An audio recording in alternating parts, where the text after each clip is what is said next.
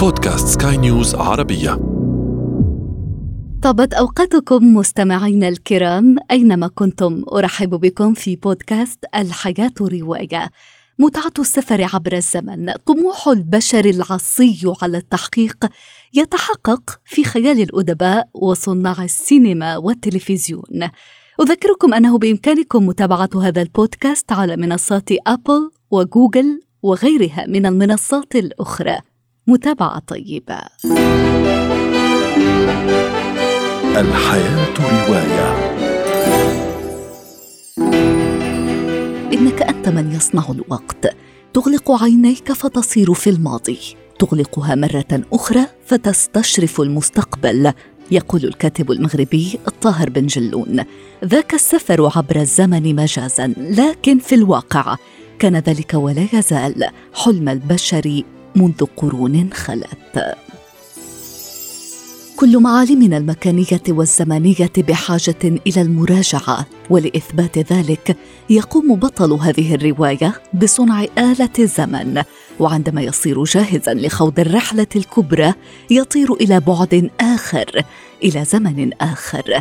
هذا العالم الذي لن نعرف لا اسمه ولا عمره يخترع آلة من النحاس والخشب والمعدن والعاج والكريستال تنقله صوب الماضي أو المستقبل وفقا لما يبتغيه في The Time Machine أو آلة الزمن للكاتب البريطاني اتش جي ويلز يحط صاحبنا المستكشف في مستقبل بعيد في العام 800 و2701 حيث يقف على حضارة منقسمة إلى مجموعتين عالم على الأرض وآخر يعيش تحت الأرض في دهاليز الظلمات. رغم أن هذه الرواية تجسد نقدا سياسيا واجتماعيا فإن ويلز يدفعنا للتفكير معه بشأن ماهية الإنسان وما هو أساسي بالنسبة له. هل سيتطور مجتمعنا في الاتجاه الصحيح أم أنه سيتدهور في المستقبل البعيد؟ رواية تحتمل قراءتين. أولى أدبية وتبدو مثل نافذة هروب وثانية أكثر فلسفية تطمس إدراك القارئ للزمان والمكان. كان اتش جي ويلز شجاعا في إطلاق العنان لخياله وجعل معاصريه يكتشفون نوعا ادبيا جديدا عليهم. أدب الخيال العلمي الذي تعد هذه الرواية من كلاسيكياته.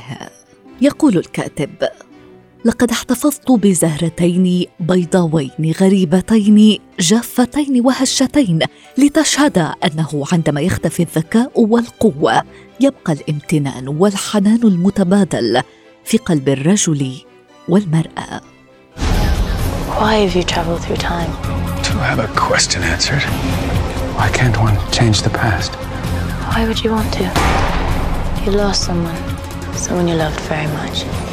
يبدأ كل شيء عندما يلتقي بيير سامونو أستاذ الرياضيات بالعالم نويل إسايون وابنته أنيت.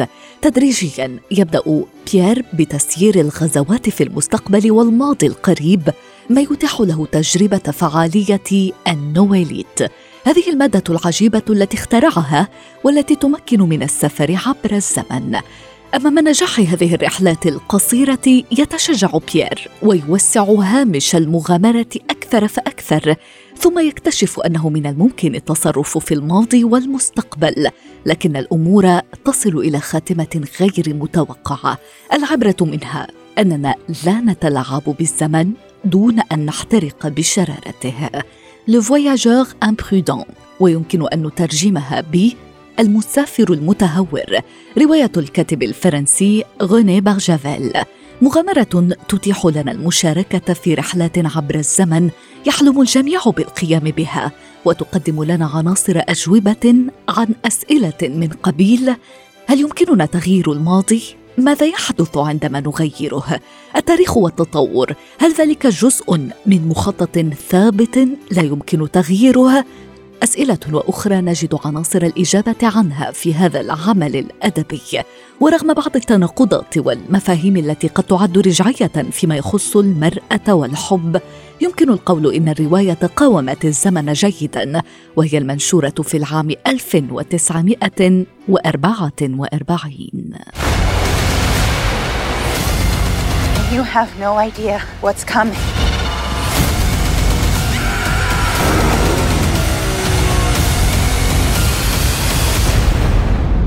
If you kill me now, the world as you know it will end. من متى أتيت؟ في عالم هذه الرواية السفر عبر الزمن ممكن تغيير التاريخ ممكن لذلك أنشأت البشرية نوعا من شرطة الزمن وأوكلت إليها مهمة تعقب الجانحين الذين يسعون لمحو المسار الوحيد الحقيقي للزمن. كتبت هذه الرواية في أجزاء بين عامي 1955 و 1995 تدور أحداثها في أمكنة وأزمنة متباينه تعود بنا إلى إنجلترا في أوائل العصور الوسطى تأخذنا إلى بلاد فارس على عهد كورش الكبير.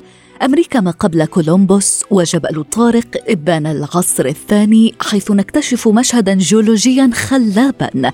رواية Time Patrol للكاتب الأمريكي بول أندرسون تعد بدورها من أشهر مؤلفات أدب الخيال العلمي.